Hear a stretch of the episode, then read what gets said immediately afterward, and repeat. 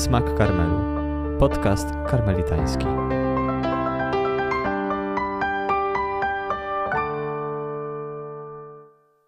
Witajcie. Rozpoczynamy naszą serię podcastów, a w ramach tej serii podcastów zaczynamy pierwszą serię tematyczną. Będzie to seria o no, kobiecie bardzo niezwykłej. Kobiecie, która w XVI-wiecznej Hiszpanii zreformowała męski zakon. Z tego co wiem, jest to jedyny taki przypadek w historii Kościoła. Kobieta, która w czasach szalejącej inkwizycji opisuje swoje przeżycia mistyczne. Kobieta, która żyła za klauzurą, ale wysłała tysiące listów, z których w zasadzie niewielka część się do dzisiaj zachowała i która założyła kilkanaście klasztorów. No tą kobietą jest święta Teresa z Avila, święta Teresa Wielka, święta Teresa od Jezusa, e, no, na, nasza założycielka i reformatorka. A z nami w naszym, w naszym małym studiu jest siostra Lidia Wrona, karmelitanka misjonarka, która o świętej Teresie dużo wie i mam nadzieję, że będzie chciała się z nami tą wiedzą podzielić. Witamy. Dziękuję, witam serdecznie. No właśnie, święta Teresa. E, kim była? Y, bardzo dziękuję za to pierwsze pytanie i tą właśnie taką zajawkę. Teresa Wielka, Teresa od Jezusa, Teresa z Avila. Znamy ją y, pod różnymi imionami. Y, warto może na samym początku wspomnieć, że to na pewno nie jest Teresa z Lizie, mała Terenia, którą czasami ktoś myli, mówiąc Teresa, czy mając na myśli Teresę. Teresa Wielka sama o sobie do właściwie 1560 1962 roku mówiła, że jest Teresą y, de Ahumada. Ahumada to jest nazwisko matki, które w tamtej epoce tak naprawdę mm, właściwie dzisiaj możemy powiedzieć, że, że można było przetłumaczyć y, wędzona albo dymna. Nie wiem, co pani Anna Dymna miałaby, y, czy miałaby jakieś kontra w związku z tym. Natomiast ona rzeczywiście używała tylko i wyłącznie nazwiska matki i to było Y, zamierzony, o czym za chwileczkę wspomnimy. Teresa w 1562 roku, kiedy weszła do swojego pierwszego nowo założonego klasztoru, przyjęła imię od Jezusa, Teresa od Jezusa. Pytałeś, kim była? Tak, to takie myślę, że dobre pytanie na, jako punkt wyjścia. Powiedziałeś świetną rzecz na samym początku. Była kobietą, która zreformowała mężczyzn, kobietą, która w czasach inkwizycji miała doświadczenia mistyczne. To jest bardzo ważna rzecz. Była kobietą, co y, w XVI-wiecznej Hiszpanii y, nie było czymś chlubnym. Y, może y, powiem to w sposób taki bardzo kontrowersyjny. Kobieta y, w społeczeństwie, ówczesnym społeczeństwie, nie tylko hiszpańskim, ale w ogóle europejskim, nie miała swojego miejsca w społeczeństwie. Tak naprawdę była zależna albo od ojca, albo od męża. Natomiast Teresa od Jezusa, Teresa Daumada, ze swojej natury była już od samego początku bardzo niezależną, bardzo autonomiczną, bardzo odważną osobowością, stąd szukała miejsca, gdzie najlepiej mogłaby realizować y, poszukiwanie prawdy, które rzeczywiście było też y, w jej charakterze czymś takim fundamentalnym.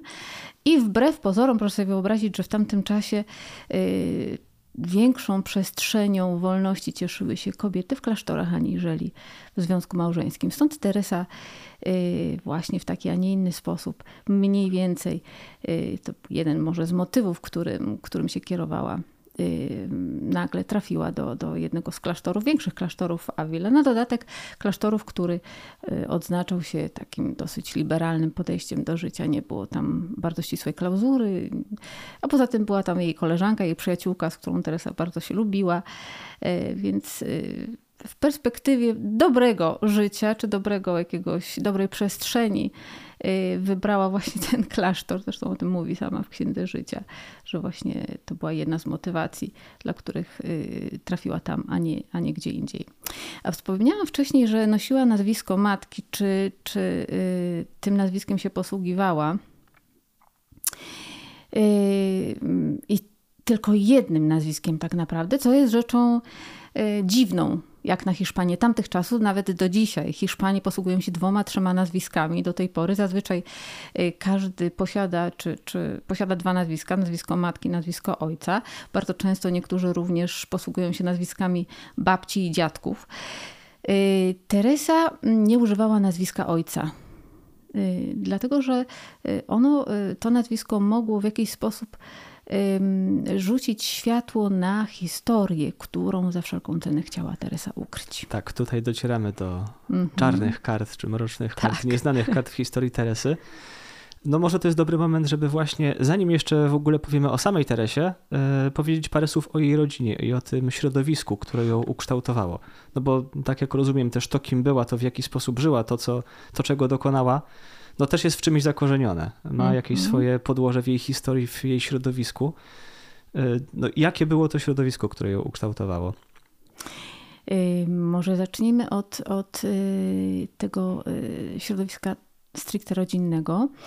Y, Teresa była córką y, Alonso Sánchez de Cepeda i y, Beatriz de Ahumada. To była druga żona jej ojca.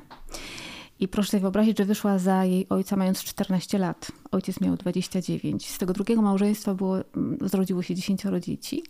W poprzednim małżeństwie ojciec miał dwójkę dzieci, y, po czym y, po, po, po dwóch latach tego małżeństwa y, pierwsza jego żona Katalina Depeszo umarła.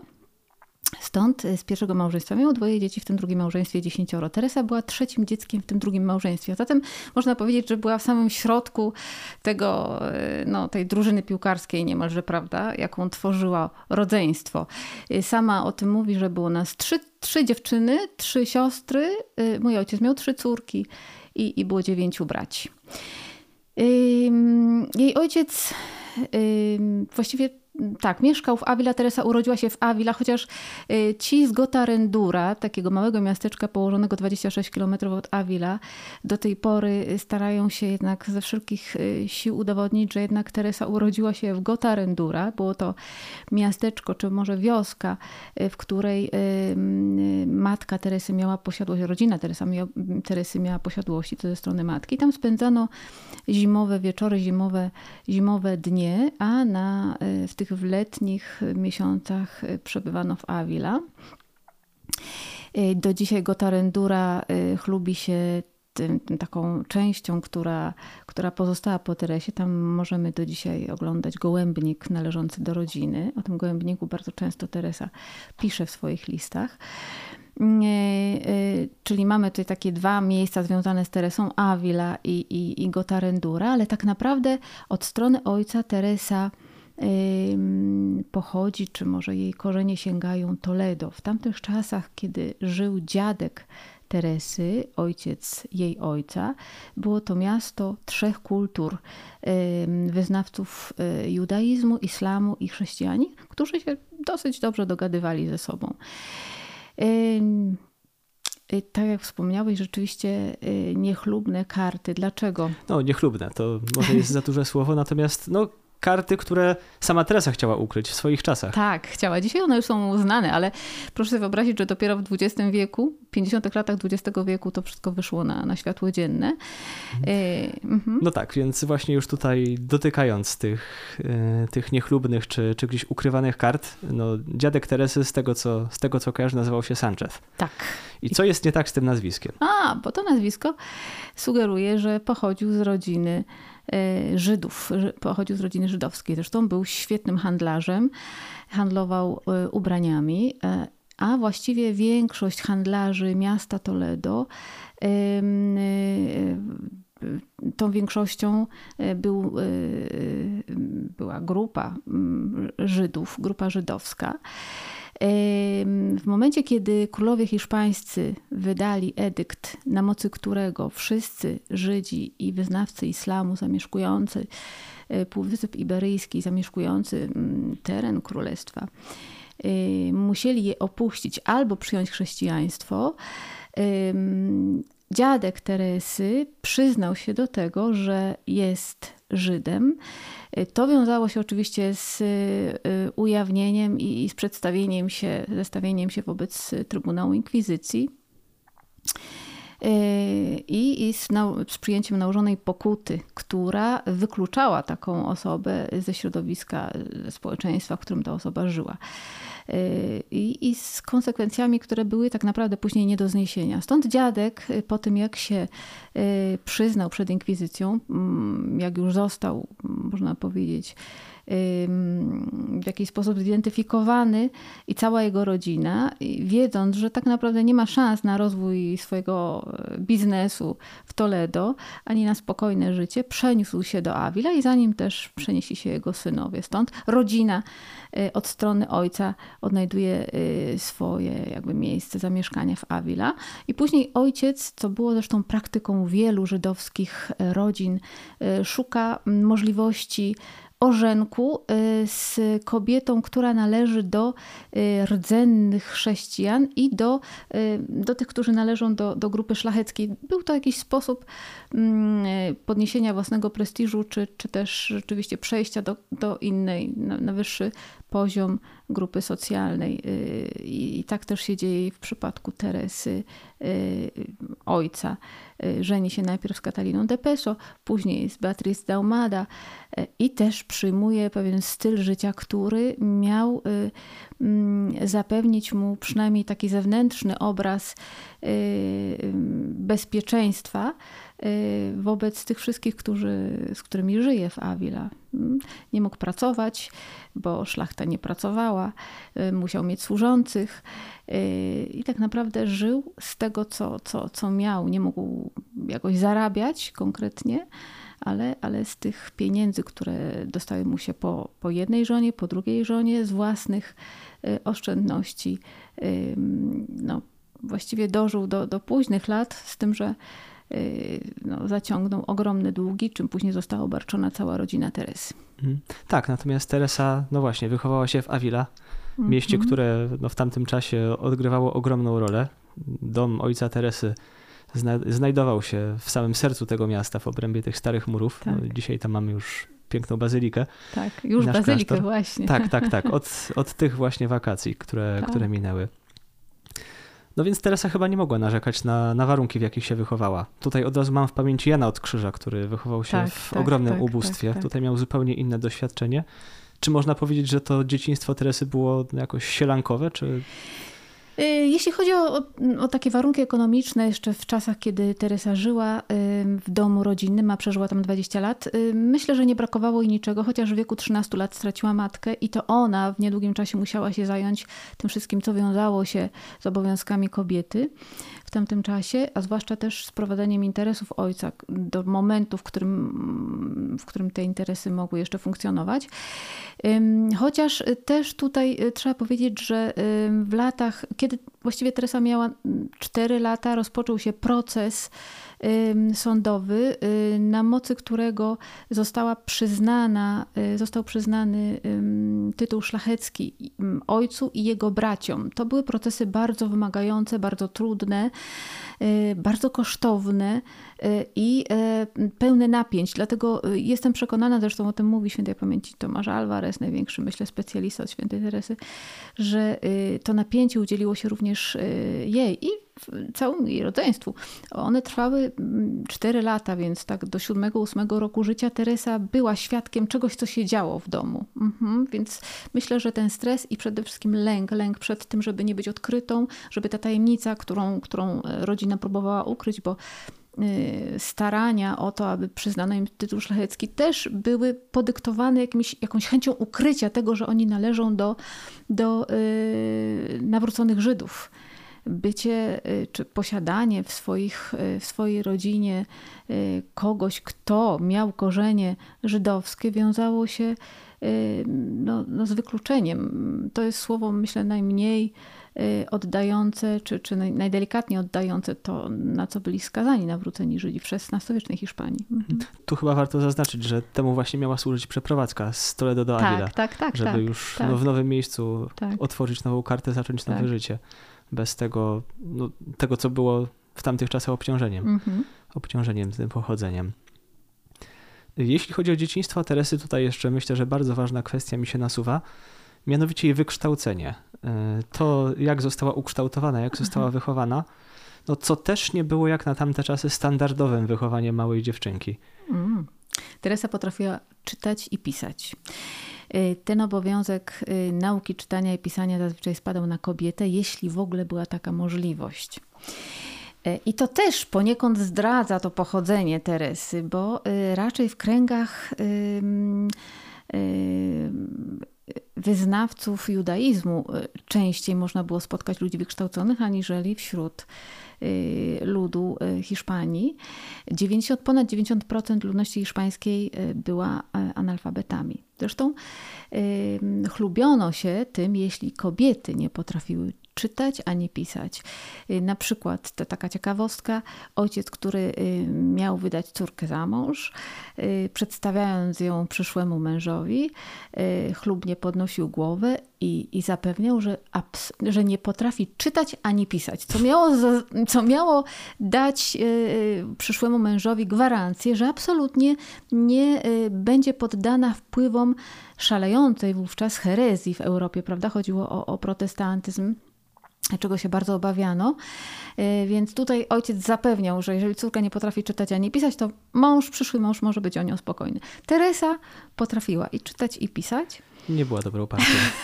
nie była dobrą partią. Na dodatek y, jej matka, no, y, rodząc kolejne dzieci, Y, przebywała, zresztą kobieta nie miała dużego, dużej przestrzeni, nie, raczej nie wychodziła na zewnątrz domu, ale przebywając w domu szukała jakiejś rozrywki, więc jedną z nich były lektury ówczesnych, no nie wiem jakby to można, myślę romansów, tak, książek przygodowych i romansów, w których zaczytywała się również Teresa. Matka jej to ułatwiała.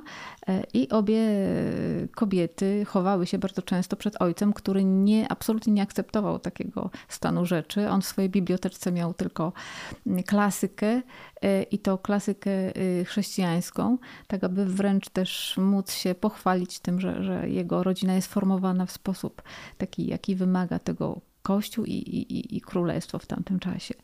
Teresa potrafiła czytać i pisać, y, ale przede wszystkim, jeśli chodzi o, o, o późniejszą jej edukację y, i, i formowanie się, kształtowanie się jej ducha, to była samoukiem. Teresa uwielbiała czytać nawet personifikuje książki, bo w pewnym momencie mówi, że, że one stawały się jej przyjaciółmi. Rzeczywiście Y, ja bym nawet powiedziała, że była nałogową czytelniczką, że była uzależniona od, od książek. W pewnym momencie nawet mówi, że doszło do tego, że jak nie miała jakiejś nowej książki, to już nie mogła spać. To już się, no to już, to już pojawiały się takie symptomy uzależnienia, powiedzielibyśmy dzisiaj. No. E, no tutaj można też zaznaczyć, że są świadectwa, są ślady, że Teresa nie tylko czytała, ale sama próbowała też popełnić jakiś tekst literacki, tak, no, który tak. do dzisiaj niestety się nie zachował.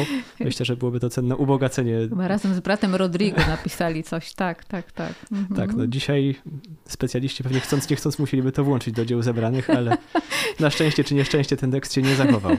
Tak. No ale to też pokazuje, jak niezwykłą była osobowością. Nie dość, że tak. potrafiła czytać i pisać, no to siostra wspomniała, że w Hiszpanii było 90%, było 90% analfabetów, wliczając kobiet, kobiety i tak, mężczyzn. Tak, tak.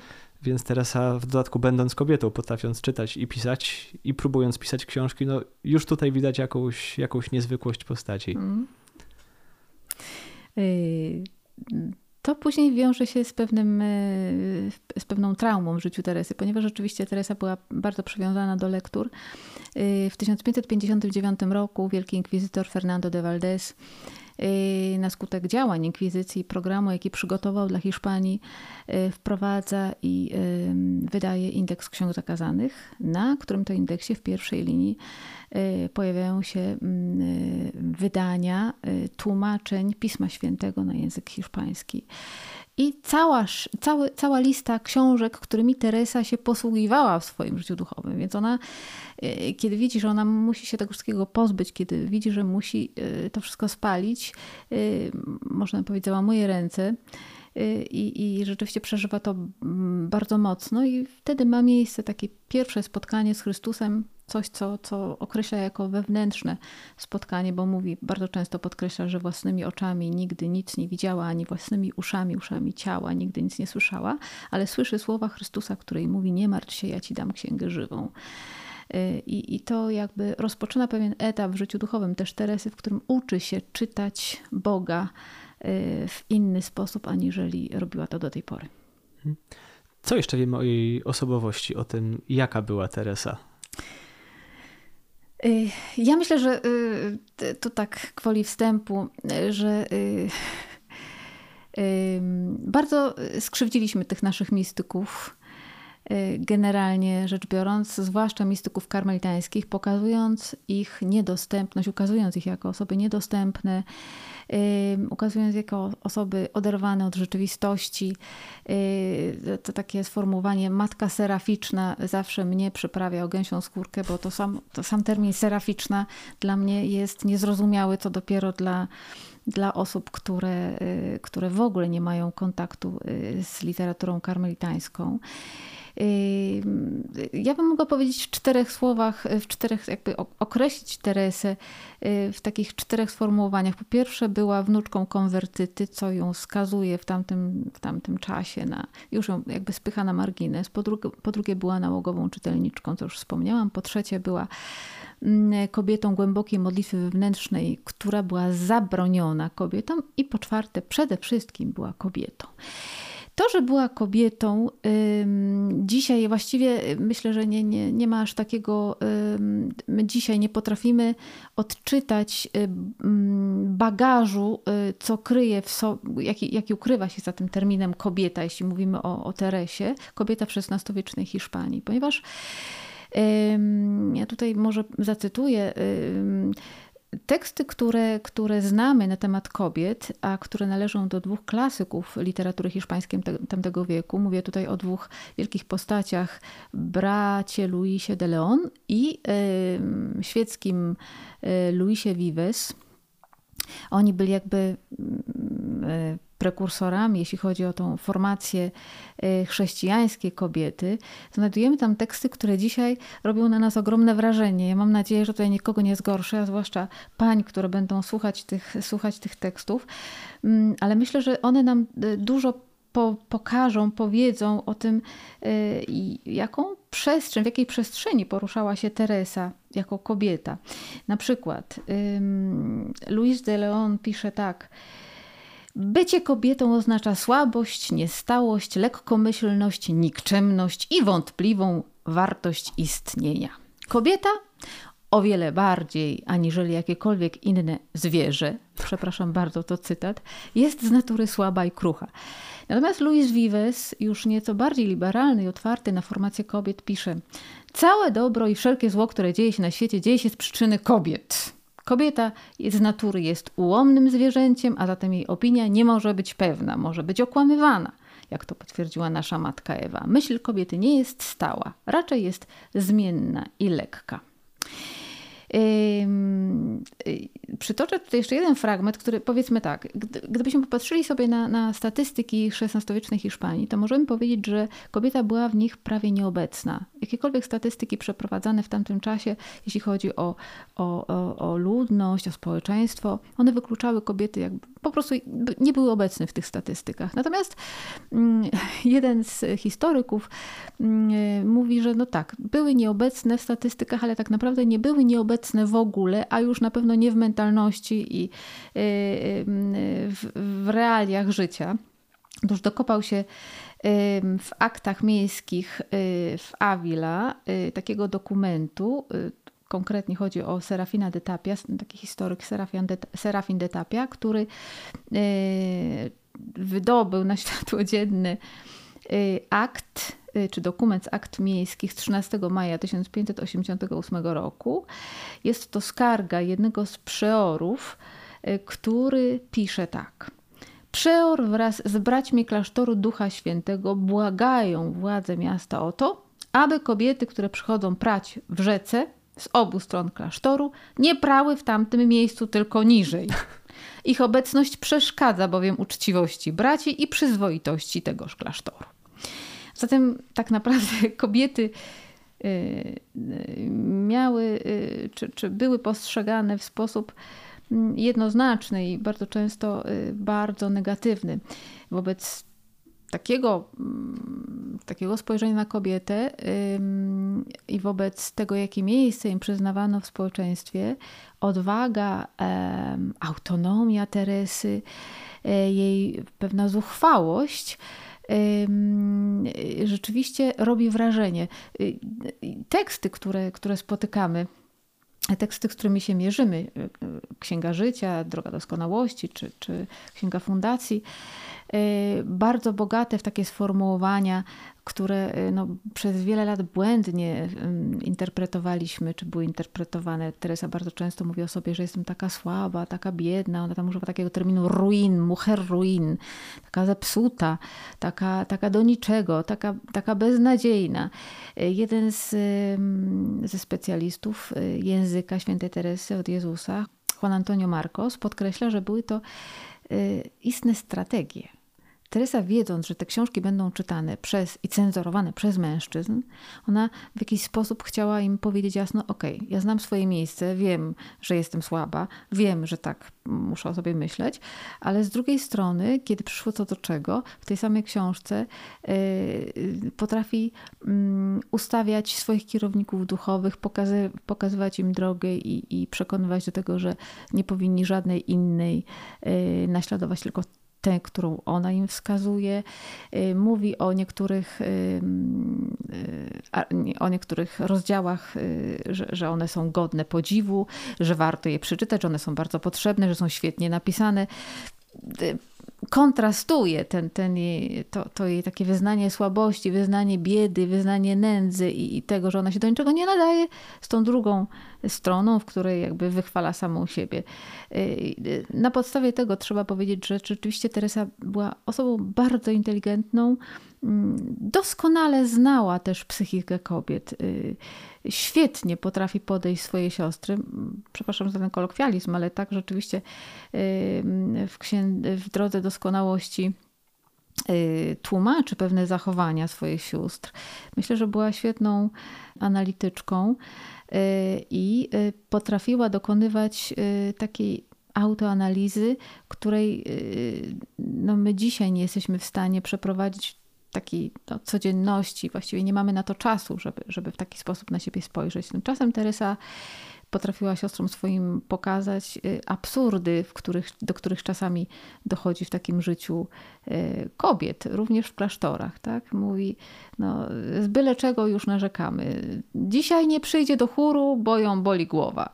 Jutro nie przyjdzie, bo ją wczoraj bolała. A pojutrze nie przyjdzie, żeby ją czasem nie zabolała. Nie? I mówi, no to jest właśnie to. To jest, to jest właśnie ta, ta, mm, ta, ta osobowość, która była Teresie tak tak, no, tak znana, tak, tak bliska. Ona rzeczywiście potrafiła wyjawić to, co wewnątrz kobiety się dzieje. Potrafiła doskonale y, rozmawiać z, z różnymi osobami, ale to, co myślę, że jest takie najistotniejsze, to była kobietą, na której, której zależało bardzo na prawdzie. Ona, y, ta charakterystyka, ta cecha y, była jakby wiodącą. Od samego początku poszukiwała konfrontacji. Ona bardzo często się konfrontowała z ludźmi kościoła, chcąc y, sprawdzić siebie, swoją drogę. Bardzo często szukała potwierdzenia tego, co, co, co przeżywa.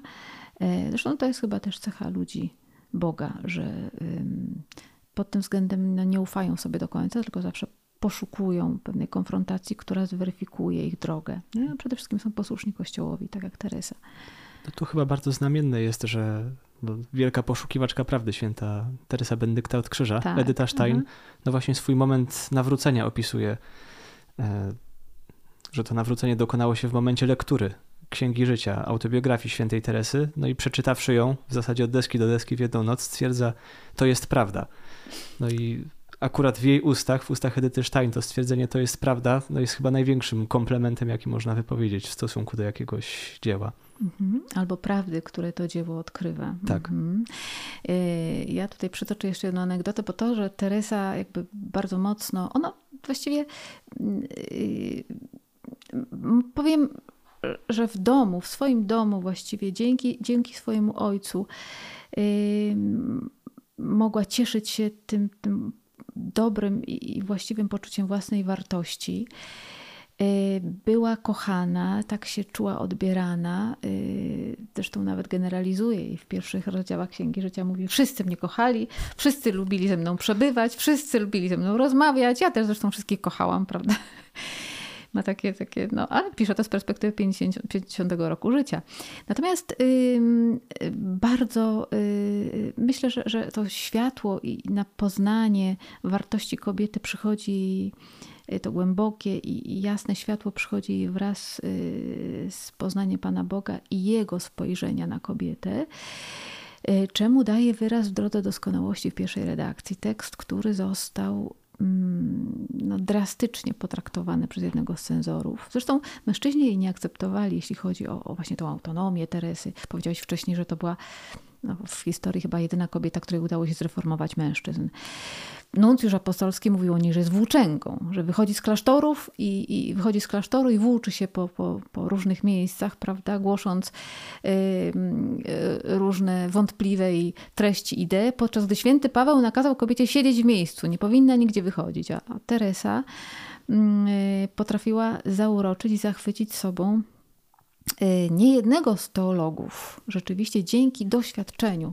Teresa dzieli się swoim doświadczeniem i to bardzo często w jej dziełach y, znajdziemy takie sformułowanie: Będę mówić tylko to, co znam z doświadczenia własnego albo cudzego. Jest taka anegdota, y, w której którą opowiada podczas procesów beatyfikacyjnych jej spowiednik, dominikanin, Baniesz, Y, przyznaje, że któregoś razu podszedł do niego jego ówczesny prowincjał, Juan de Salinas, i mówi do niego tak: Słuchaj, słyszałem, że. kim właściwie jest ta, ta Teresa od Jezusa? Słyszałem, że to twoja uczennica. Słuchaj, nie ma co ufać cnocie kobiety. I podobno y, Banies miał zaprosić y, prowincjała, by sam się przekonał, o tym, kim ona jest, skoro jedzie do Toledo, tam w tym momencie przebywała Teresa, może się z nią spotkać no i sam się przekonać.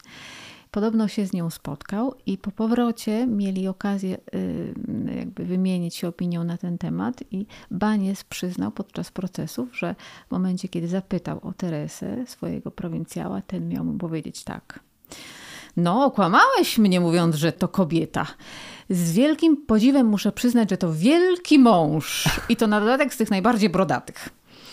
No tak? tak, myślę, że nawet samo to sformułowanie dużo mówi też o stosunku do kobiet w XVI-wiecznej Hiszpanii. Tak, a z drugiej strony właśnie trzeba było się odwołać do, do, do, do, do mężczyzn, do natury męskiej, żeby pokazać to męstwo Teresy, a, a też y, mówi dużo o ortodoksji Teresy, prawda? Mhm. Mimo, że opierała się na własnym doświadczeniu. Mhm. Mhm. No z tego, czym, o czym rozmawialiśmy, o czym siostra opowiada, no rysuje się obraz no faktycznie wyjątkowych warunków, w których wzrastała, no i pewnych szans, które otrzymała, których nie miała znakomita większość kobiet w jej czasach. No chociażby właśnie ta szansa na wykształcenie.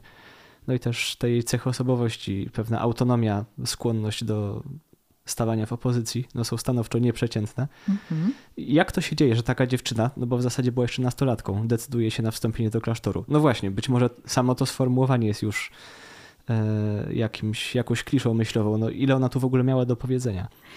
Na ile była to jej decyzja? Tutaj w tym przypadku rzeczywiście była to jej decyzja. Z tym, że w momencie, kiedy umiera matka Teresy, jej starsza siostra i ojciec, wiedząc, że starsza siostra już zostawiła dom rodzinny, wyjechała do domu męża, Teresa została jako najstarsza z córek w domu ojca, to było niebezpieczne dla, w tamtym czasie, zwłaszcza, że Teresa w wieku y, nastu lat, jak każda zdrowa nastolatka, zaczyna interesować się relacjami z płcią przeciwną i gdzieś coś przyuważył ojciec i jej starsza siostra, że pewna relacja zaczyna przybierać nie taki kierunek, jaki im Y, jak, jak im się podobał. Y, to było obarczone jakąś taką utratą honoru. Mm, honoru, który w tamtym okresie, w tamtym czasie y, był narodową obsesją, a dla Kościoła też gwarantem ortodoksji. Tak, no, u Teresy też to słowo tak, honora tak. bardzo często powraca.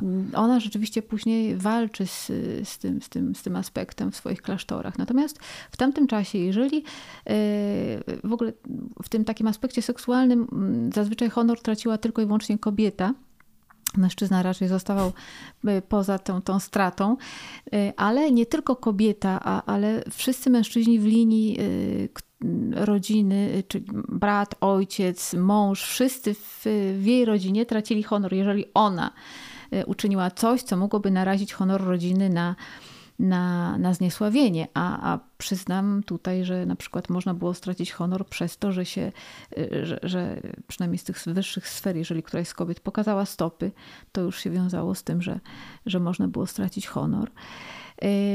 Stąd te wszystkie panie szlachcianki chodziły w towarzystwie służących, nie wychodziły też same z domu, dlatego że, że miały na sobie raz, że miały welon i, i, nie widziały, co jest pod nogami. Musiały mieć takie długie suknie, żeby się nie potknąć, więc cały czas musiały być w jakiś sposób towarzyszone. Czy wiemy coś więcej, co, co wzbudziło taki niepokój jej ojca? Relacja z kuzynem. Mhm. I ojciec w, w, reakcji na to zaprowadził Teresę y, do klasztoru Augustianek w Avila, y, który pełnił w tamtym czasie mm, y, rolę takiego mm, internatu dla dziewcząt, szkoły, która je wychowywała, kształciła. Teresa wytrzymała tam rok zaledwie, ale to wystarczyło, żeby w tamtym czasie jakby mm, dokonał się w niej pewien zwrot. To znaczy co ciekawe, jedna z wychowawczyń y, obecnych w tym klasztorze, Maria de Brisenio, zrobiła na Teresie wielkie wrażenie. Y, przede wszystkim zrobiło na niej, na niej wrażenie to, jak ona, zresztą sama Teresa o tym pisze w Księdze Życia, jak dobrze mówiła o Bogu. To nam każe myśleć, że, że nie wiem, że wcześniej Teresa słyszała o Bogu, który każe, o Bogu, który, który no nie wiem, chodzi za, za, za, za człowiekiem z narzędziami kary. Natomiast tutaj mm, Teresa słyszała o tym Bogu, który nagradza, który, który powołuje, który zachęca, y, który szuka. E, I w obliczu tego świadectwa sióstr i świadectwa tej akurat nie siostry, e, jakby dokonała się pewna konfrontacja jej sposobu postępowania, czy jej, no właśnie, takiego chyba naturalnego dążenia nastolatki, e, konfrontacja tych zachowań z, z, z perspektywą wieczności i przestraszyła się, że, że za to, co zrobiła, a co było dosyć jakoś, nie wiem, no, czymś niewinnym w tamtym czasie. Myślę, Patrząc na to dzisiaj, czasie, chyba w ogóle, w ogóle nie czujemy jakiegoś zaniepokojenia. Nic zupełnie. W tamtym czasie Teresa myślę, że, że, że była przerażona, więc y, szukała sposobu, który byłby dla niej najpewniejszy, żeby móc się zbawić. Y, I no, są świetne te teksty, w których Teresa przyznaje, że zmuszała siebie do tego, żeby się zmusić żeby pójść do zakonu. Prosiła wszystkich, żeby się modlili, żeby Pan pokazał jej drogę. I błagała, żeby to nie była droga y, życia zakonnego. Nie chciała iść do zakonu, ale też nie chciała, bała się wyjść za mąż. Y, mówi, że po pewnym czasie coraz bardziej zaczęła się, już, już przestała czuć wstręt do życia zakonnego. To są mocne słowa, ale sama o tym tak mówi. I kiedy wstępowała do zakonu, y, też przyznaje, że nie było w niej tej miłości do Boga, która mogłaby jej zastąpić miłość do ojca i, i do braci. Zostawiała dom rodzinny z nadzieją, że jest to najlepszy, patrząc od strony takiej racjonalnej, najlepszy sposób na to, żeby, żeby y, uciec od piekła, bo rzeczywiście Teresa piekła się bała. Więc powiedzmy, ta motywacja nie była jedną ani z, naj, z najlepszych, ani z najczystszych. Niemniej y, Pan wykorzystał również ten moment, w którym Teresa jakby uchwyciła się tego, tego pragnienia bycia zbawioną, no i później poprowadził tak, jak, jak chciał. Mhm. No myślę, że to jest bardzo ciekawy wątek, może nawet warto jeszcze gdzieś się w tych okolicach pokręcić. No bo wydaje mi się, że gdyby dzisiaj Teresa z taką motywacją, jaką miała, trafiła do jakiegokolwiek zakonu, no to raczej chyba nie zostałaby przyjęta. No na pewno nie. na pewno nie na pewno nie ucieczka przed piekłem i na pewno nie, nie, no nie strach przed małżeństwem. No to, to jakby wyklucza w dużej mierze kandydatki, prawda? Trzeba być gotowym raczej do życia, aniżeli uciecz, uciekać od niego. Mhm. Y, no więc jak wyglądało to życie? Jakie perspektywy na, na jakiś rozwój i no w ogóle odnalezienie się w takim miejscu stwarza no, rozpoczęcie życia zakonnego z taką motywacją. A Teresa miała y, dużą zdolność adaptacji. Ona przyznaje, że po, jak wstąpiła, to właściwie już po roku czasu czuła się świetnie. I oczywiście też powtarza, że wszyscy ją bardzo lubili, że wszyscy ją y, bardzo dobrze czuli się w jej towarzystwie. Y, ale y, też w niej jakby napięcia, które, które, które odczuwa, które przeżywa, zmiana też stylu życia, powiedzmy, że klasztor, do którego wstąpiła Teresa, mm, no, funkcjonował zupełnie inaczej niż my dzisiaj możemy sobie to wyobrazić. W zasadzie było to takie miasto w mieście. Tak, to było miasteczko w mieście. Y, były tam osoby, które miały powołanie też. Również. Tak. Również, tak. Ale w dużej mierze taki, taki klasztor był pełen córek, drugich, trzecich, czwartych, piątych córek rodzin Y, które nie miały innego wyjścia. Rodziców nie było stać na to, żeby wydać je za mąż, więc trafiały do klasztorów. Więc też różnica społeczna y, była, dało się ją bardzo mocno zauważyć w takim klasztorze. Były siostry, które miały swoje osobne cele, czasami dwupiętrowe, miały służące, y, miały wszystko to, czego potrzeba. Ktoś myśleli łóżko, ktoś wychodził na zakupy, ubierały się tak jak szlachcianki, a były też takie, które mieszkały w wielkich salach po kilkadziesiąt sióstr razem i przemierały głodem. E, stąd e, w, Zresztą jak Teresa występowała już z tego, z tego klasztoru, e, zakładała swój własny, liczba sióstr klasztoru wcielenia oscylowała wokół chyba 200 set, jakoś tak, więc, więc na pewno samo wyżywienie 200, 200 y, osób czy 180 jakoś tak nie, nie jest małą rzeczą. Stąd bardzo często siostry musiały wychodzić y, na zewnątrz i prosić o jałmużnę, co się Teresie nie podobało. Mhm. Mimo wszystko na samym początku, y, raz, że ojciec nie, nie zaakceptował tego wyboru, ona uciekła zresztą z domu, uciekła z domu, namówiła swojego brata na to, żeby jej towarzyszył. W ogóle to wmówiła mu, że ma powołanie i na pewno ma powołanie do, do chyba do dominikanów wstąpił, ale czy do jezuitów, już nie pamiętam, ale, ale bardzo szybko musiał stamtąd wystąpić. Y, chodziło o to, żeby ją odprowadził do klasztoru wcielenia i tam już została. Y, ojciec po jakimś czasie pogodził się z jej wyborem i wprowadził też y, wiano, dzięki czemu Teresa również w tym, w tym pierwszym roku, ale w kolejnych latach żyła dosyć wygodnie. Teresa żyła bardzo wygodnie w, w klasztorze wcielenia. Miała przestronną celę, miała też osoby, które, które ją odwiedzały, które przychodziły. Yy, więc perspektywy powiedzmy materialne miała dobre. Natomiast i, i też yy, kontakty yy, zarówno w klasztorze, jak i na zewnątrz nie były jak, w jakiś sposób, nie wiem, zagrożone, miała do tego dostęp. Natomiast wewnętrzne pragnienia, czy też poszukiwanie zderzyło się w niej y, z, z, tą, z tą rzeczywistością też rozwoju ludzkiego, powiedzmy to w ten sposób. Napięcie, które się w niej zrodziło, y, no, uzewnętrzniło się w postaci choroby i po roku czasu ojciec musiał ją zabrać z tego klasztoru i próbować leczyć.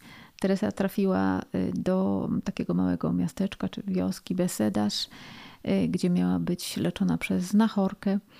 Y, niestety proces się nie udał, więc wróciła do, do Avila prawie y, na wpół żywa i znany jest ten epizod, w którym Teresa no, zapada w śpiączkę taką trzydniową, z tym, że wtedy akurat nie, nie wiedziano, że to jest śpiączka, już praktycznie Teresa dla, dla wszystkich była umarła, już nawet przygotowywano grób w klasztorze wcielenia.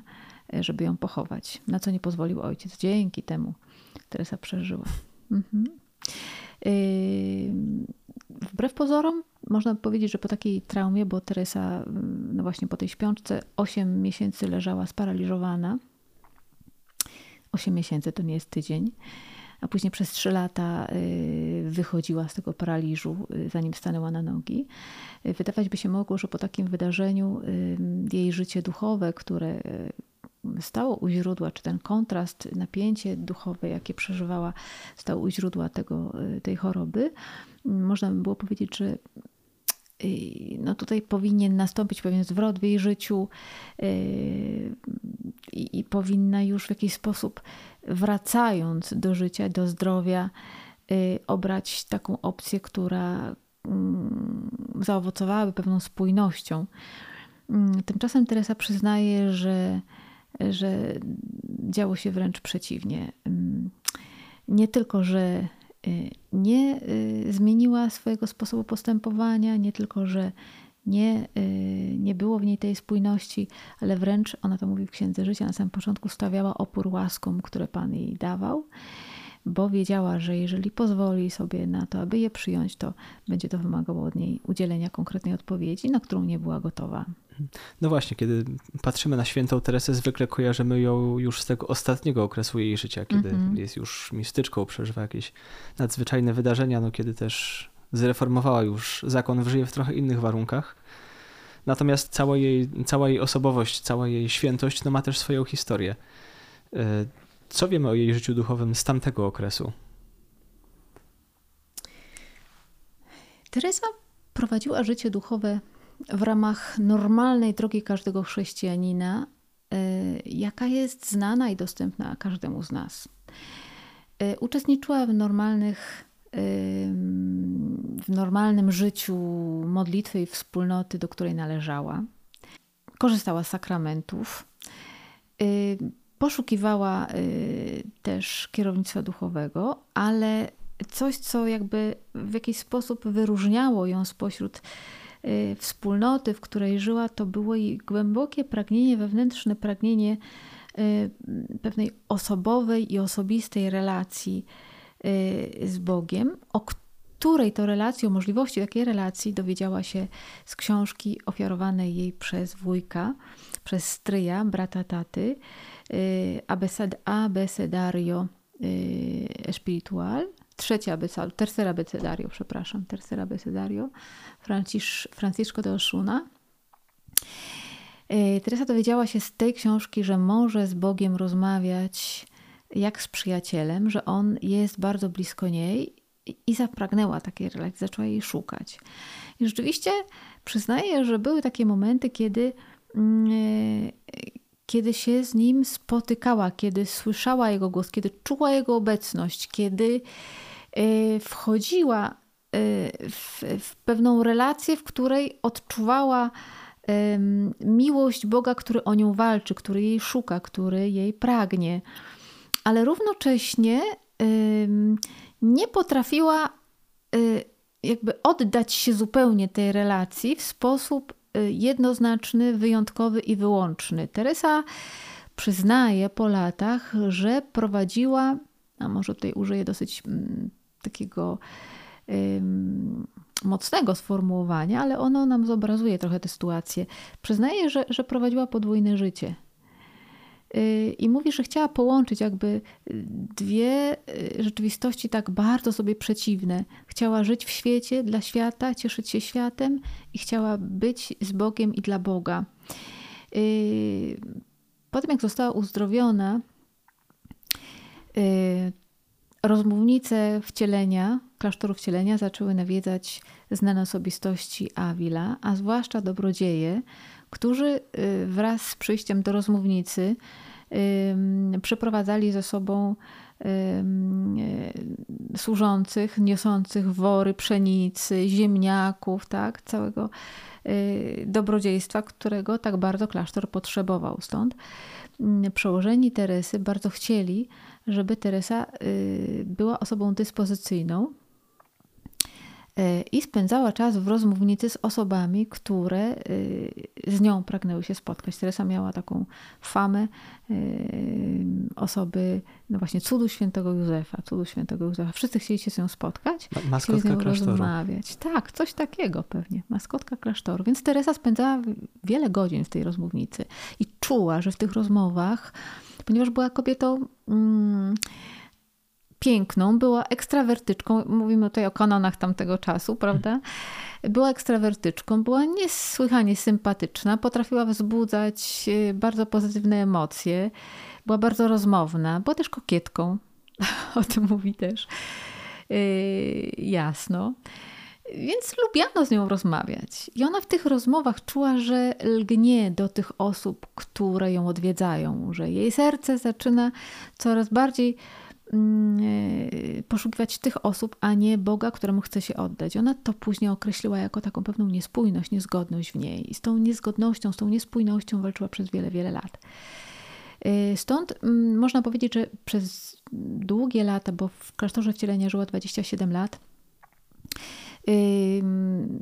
w tym życiu duchowym no, y, ponad 20 chyba, y, sama o tym tak mówi, spędziła na, na walce, na walce duchowej o to, żeby całkowicie się oddać Bogu. To jest niesłychane, bo my dzisiaj sobie wyobrażamy, prawda, że, że mistyczka to taka niemal się rodzi. To, to zresztą znamy z tych wcześniejszych hagiografii, znamy takie obrazy świętych, którzy rodzili się we wtorek, a w piątek już nie sali mleka matki, bo przecież pościli, prawda?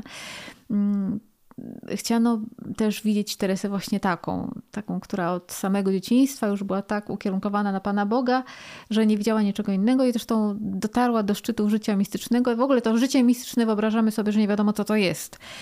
I, i rysujemy je w takich barwach y, niedostępności dla każdego z nas. Tymczasem jakbyśmy popatrzyli na to 20 ostatnich lat życia Teresy, bo mówimy o tych 20 ostatnich latach, w tym momencie życia mistycznego, to była kobieta, która tak, y, no nie wiem, reasumując to, co, co zrobiła, y, założyła 17 klasztorów w ciągu 20 lat. Y, drodzy Państwo, to nie jest remont łazienki. ani remont po prostu mieszkania. To jest 20, to jest 17 nowych klasztorów w ciągu, tak jakby co, co roku zabierała się za budowanie nowej wspólnoty, nowego klasztoru. To jest szukanie ludzi, to jest, to są, to jest masa kontaktów z prawnikami, z, z adwokatami, z robotnikami, szukanie wspólnot, szukanie ludzi, szukanie sióstr. Yy, tysiące kilometrów, które, które y, przejeździła ta kobieta, na, nie wiem, na, konno, przechodziła pieszo, dróg nie było w tamtym czasie, więc yy, napisała mnóstwo listów. Rzeczywiście wspomniałeś, że, że mamy no garstkę, około 500 zostało, podczas gdy są hipotezy, że Teresa napisała ponad 15 tysięcy listów.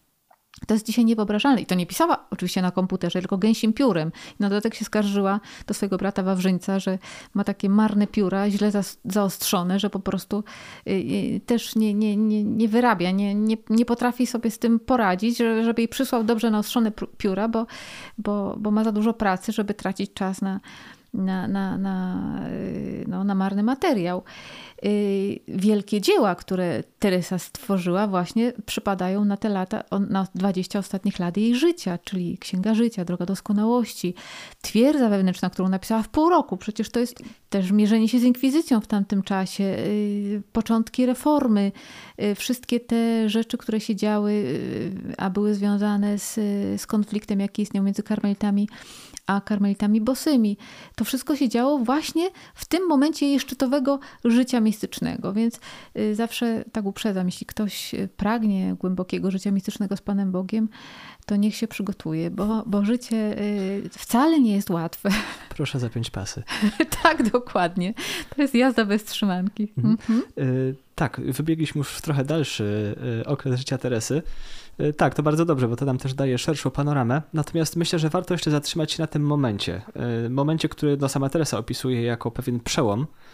No, przełom, który następuje w zasadzie po 20 latach jej życia zakonnego. Mhm. Wcześniej zmaga się z, z tą blokadą, o której właśnie siostra mówiła. Takiego życia jedną nogą w świecie, jedną nogą z Panem Bogiem. No i co właściwie się wydarzyło? Co się stało, że jakoś tą blokadę przełamuje? Ach, no właśnie, nie przełamuje ona. Teresa y, składa broń. I mm, tak patrząc na nią, poznając ją coraz bardziej, y, coraz bardziej rozumiem, jak bardzo ją to musiało kosztować. I, I rzeczywiście była to najtrudniejsza rzecz w jej życiu. Kobieta, w której żyłach płynęła żydowska krew, y, niesamowicie przedsiębiorcza, autonomiczna, niezależna, walcząca o swoje, która również w życiu duchowym cały czas próbuje udowodnić Panu Bogu, że ona sobie da radę, że ona sama o to zbawienie zawalczy i ona sama ułoży tak jak y, to życie duchowe tak jak potrzeba, składa broń. Już nie daje rady, już, już nie wytrzymuje napięcia, które w niej, y, w niej żyje. Tutaj zbiegło się kilka okoliczności bo odwołałeś się do faktu, który jest jakoś e, w historii mm, e, postrzegany jako moment ostatecznego nawrócenia Teresy. Ja zawsze z tym polemizuję, bo mówię, że to jest moment, w którym nastąpił zwrot. Ale zanim Teresa jeszcze obrała ten, ten prawdziwy kierunek, to minęło jeszcze kilka dobrych lat. Y, to był dopiero początek. Nigdy nie można powiedzieć o czymś takim jak, nie wiem, no, takie punktualne nawrócenie, prawda? I, nie wiem, w tym momencie, dzisiaj idę spać y, jako stary człowiek i budzę się jako nowy człowiek, coś zupełnie innego. Tak również nie było w jej życiu. Miała za sobą lekturę y, wyznań świętego Augustyna, y, która zrobiła na niej niesamowite wrażenie. Święty Augustyn pisze o sobie i u, pozwala Teresie odczytać i jasno nazwać, zwerbalizować to, co się w niej dzieje. Ona miała z tym duże trudności, duże kłopoty yy, i doskonale odnajduje się w tym jego doświadczeniu, zwłaszcza kiedy yy, Augustyn pyta, jak długo, panie, jak długo jeszcze yy, będziesz mi mówił potem, potem, ale dlaczego nie teraz? Dlaczego się już, już nie w tym momencie dokonuje się we mnie ta zmiana? Teresa, mając za sobą te świadome lata walki, tak? Y, I, i świadome lata tego trudnego wyboru, wybierania i, i ciągle takiej niemożności dokonania mm, tej właściwej opcji, y, też już jest zmęczona sobą. Y, a zatem na pewno lektura wyznań świętego Augustyna, a drugi to moment, w którym staje do modlitwy przed obrazem, który gdzieś tam siostry poprosiły, aby przechowała w swojej celi. Miał on y, na drugi dzień, czy tam w kolejnych dniach być wyprowadzany przez siostry w procesji. To był obraz albo, albo rzeźba. Jeszcze do tej pory jakoś nie, nie udało się to jasno zweryfikować. Y, mm, umęczonego Chrystusa, przed którym Teresa klęczy i błaga go, aby pomógł jej dokonać tego wyboru, aby pomógł jej się nawrócić, że już nie daje rady, że już nie może, że już nie chce i, i mówi, że, że nie wstaje, nie wstanie z tego miejsca, dopóki on nie dokona w niej tego, czego ona pragnie, czego chce. Yy, I rzeczywiście mm, doświadcza tam, w tamtym momencie, czegoś, co nazwalibyśmy mm, pewną no, fundamentalną zmianą spojrzenia. Teresie się wydaje, że ona patrzy na Chrystusa, że ona go obserwuje, ale to ona się czuje obserwowana. W pewnym momencie ona czuje, że ktoś na nią patrzy. Yy, wydaje jej się, że szuka, że, że chce, ale, ale czuje się odnaleziona.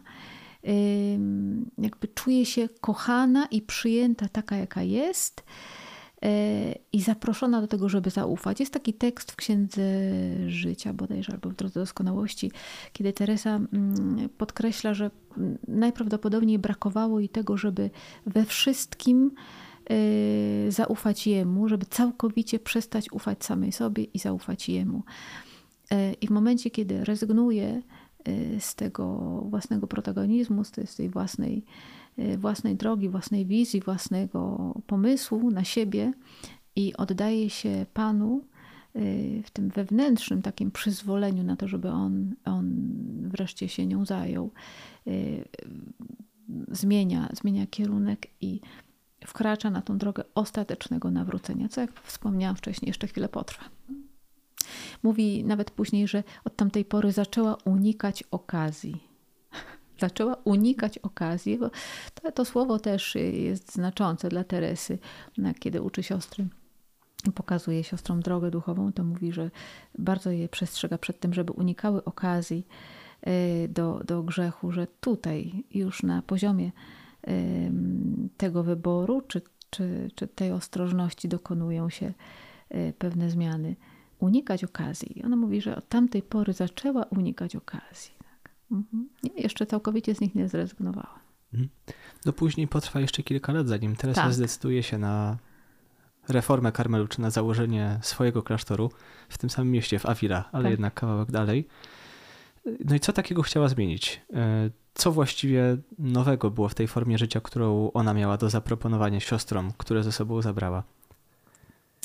Było w klasztorze wcielenia kilka sióstr, z którymi Teresa dzieliła się tym pragnieniem pewnej radykalnej opcji. Zresztą była też taka moda w tamtym czasie. E, może użyłam złego słowa moda, ale takie dążenie e, podyktowane mm, pewną drogą też reformy Kościoła, już rozpoczętej w XV wieku, dążenie do takiego ewangelicznego radykalizmu, do reformy, odnowy życia duchowego, zwłaszcza w klasztorach, które no jedne po drugim zaczęły, wchodziły na taką drogę, jak Franciszkanie czy, czy, czy inne.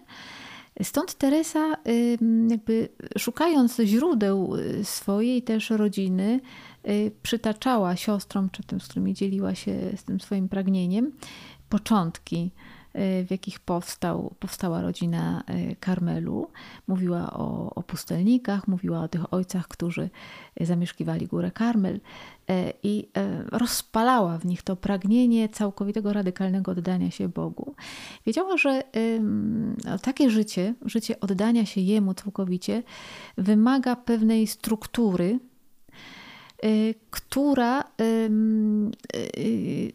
zniwelowałaby wszelkie zewnętrzne przynajmniej przeszkody, żeby takie życie móc prowadzić. Jak wspomniałam wcześniej, w klasztorze wcielenia było bardzo dużo osób, bardzo dużo sióstr, więc żeby móc wyżywić y, tych, tych kilka, y, kilkadziesiąt osób, czy później ponad setkę, siostry musiały wychodzić z klauzury, albo też bardzo często y, były wysyłane do rodzin, y, do przyjaciół, po to, żeby mogły zjeść po prostu. Na jakiś czas były wysyłane z klasztorów. Teresa chciała tego oszczędzić siostrom. Jeżeli mają się zająć modlitwą, jeżeli mają się zająć y, życiem z Panem Bogiem, to na pewno potrzebują mieć zagwarantowany byt materialny. Więc po, potrzebowała, poszukiwała takiego, y, takiej struktury, y, która y, umożliwiłaby siostrom jakby swobodne pełnienie tej, tej misji w kościele, jedynej misji, jaka, jaką mogła kobieta w kościele pełnić, czyli misji modlitwy. Teresa decydowała się na, na taką wspólnotę, która byłaby wspólnotą z ograniczoną liczbą osób. Ona na początku mówiła o 13 osobach, później ta liczba się powiększyła do 20. No tak, i w zasadzie te limity są do dzisiaj. Do dzisiaj, tak, tak, tak. To wspólnota, która ma szansę się utrzymać z jałmużny, tak. Yy, wspomnę tylko, że kiedy Teresa założyła ten klasztor świętego Józefa, to w Avila rozgorzała walka, dlatego że już było sporo klasztorów yy, na utrzymaniu miasta, powiedzmy w ten sposób, i wiedziano, że jeśli, jeszcze jeden powstanie taki klasztor, to miasto nie da rady wyżywić kolejnych kobiet, które nie, nie, nie pracują, prawda? I stąd y, przez długi okres czasu ta sytuacja była nieakceptowana. Y, natomiast tutaj Teresa y, w dużej mierze postawiła na, na, na to radykalne ubóstwo i radykalną prostotę tego życia. Połączyła, mm, czy bardzo mocno w jej tym pragnieniu wybrzmiało też życie wspólnotowe. To była Y, opcja, która miała w jej y, mniemaniu mm, siłę y, takiego mm, odnawiania w sobie piękna człowieczeństwa. Teresa wiedziała, że, że siostry potrzebują siebie nawzajem, że kobiety potrzebują wspólnoty, potrzebują ze sobą być, po to, żeby nie szukać jej na zewnątrz, żeby nie szukać tego, co jest na zewnątrz i relacji poza wspólnotą. Stąd tutaj drugi akcent na wspólnotę. Ale oczywiście jakby te początki, z którymi najczęściej się spotykamy, czy motywacje, które jakby weryfikujemy jako wiodące, dotyczyły sytuacji geopolitycznej i w ogóle sytuacji Kościoła w tamtym czasie. O tym świetnie Teresa pisze w pierwszych trzech rozdziałach Drogi Doskonałości. Teresa nie była jakby wyizolowana z tej rzeczywistości, w której żyła, nie była e, odrealniona. Ona doskonale wiedziała, co się dzieje w świecie. Wiedziała o e, rozłamie w kościele. E, nie była dobrze poinformowana, jeśli chodzi o protestantyzm, nie wiedziała, nie znała głównych założeń doktryny, ani nie rozumiała tego, co się dzieje. Nazywała ich po prostu nieprzyjaciółmi Chrystusa. Posługiwała się tutaj nomenklaturą taką militarną, Mm, I myśląc nad tym, jak ona w tym czasie, kiedy kobieta nie ma nic do powiedzenia w kościele i w świecie, jak ona jako kobieta mogłaby pomóc Kościołowi i Chrystusowi w momencie, w którym ma tak wielu nieprzyjaciół. Jest y, w pierwszym rozdziale Drogi Doskonałości mamy tekst, w którym Teresa mówi: Skoro ma tak, ma tylu nieprzyjaciół, a tak niewielu przyjaciół, zapragnęłam, żeby ci, którzy się nimi zwą, ci przyjaciele, chociaż jest ich mała liczba, mała grupa, żeby byli prawdziwymi przyjaciółmi. Więc jak y, zakłada tą pierwszą wspólnotę, to jej pragnieniem jest stworzenia miejsca, przestrzeni, y, która byłaby mm, przestrzenią przyjaciół Boga, przyjaciół Chrystusa, przestrzenią, w której będzie się walczyło o komunię, o jedność, jako odpowiedź na rozłam istniejący w Kościele w tamtym czasie.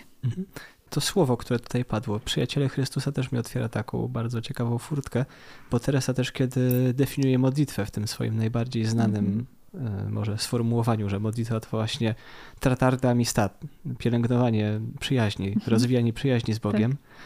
No znowu pojawia się to słowo przyjaźń i wspomniała też siostra, że jednym z kluczy do zrozumienia życia w klasztorze świętego Józefa, w tej pierwszej fundacji jest też nacisk na życie wspólnotowe i relacji między siostrami. Mhm. No, widać, że relacja jest tym słowem, które jakoś spina to wszystko i które no, też było dla Teresy niesamowicie istotne. Że sama była osobą niezwykle relacyjną tak. i potrafiła też innych prowadzić do dojrzałości w tej relacji. Ja zarówno powie... w sensie duchowym, jak i takim po prostu ludzkim. Ja powiedziałabym, że Pan Bóg wykorzystał doskonale to jej y, największe dobro i, i, i cechę najbardziej ją wyróżniającą w jej, w, jej, w jej, środowisku. Teresa była kobietą relacyjną od samego początku, o czym już wcześniej wspomnieliśmy. Wszyscy ją kochali naokoło, wszyscy ją lubili, wszyscy lubili z nią przebywać, ona też. Y, I y, uważała, myślała na samym początku, że to oddanie się Panu Bogu będzie wiązało się z tym, że ona te wszystkie relacje musi y, zniszczyć, zamknąć, musi się od nich oddalić. Tymczasem Pan wykorzystał w niej to pragnienie, to, to, to, tą niezwykłą łatwość nawiązywania relacji, pokazując jej, że On właśnie w taki sposób chce czy pragnie relacji z nią, właśnie w taki on chce, żeby zrozumiała, że bycie z nim jest relacją przyjaźni, czy opiera się na tej relacji przyjaźni. Właśnie na tym. Mhm. No to jest niezwykle ciekawa rozmowa i wchodzimy też w nowe wątki, które nam tu otwierają nowe perspektywy, ale musimy już powoli lądować. Już rozmawiamy tutaj praktycznie godzinę. E, na koniec jeszcze zadałbym takie pytanie, które też nawiązuje do tej kwestii relacji, bo czasem w literaturze pojawia się takie sformułowanie jak humanizm świętej Teresy. E, co to w ogóle znaczy i na czym ten humanizm terezjański polega? No tak, moglibyśmy powiedzieć, że jest y, kobietą niezwykle ludzką. Rzeczywiście znane są jej takie sformułowania: nie jesteśmy aniołami, mamy ciało. Y, to, że urodziła się w epoce, y, która na nowo odkrywa człowieka, bogactwo człowieka, Teresa nie jest, to wszystko nie jest jej obce.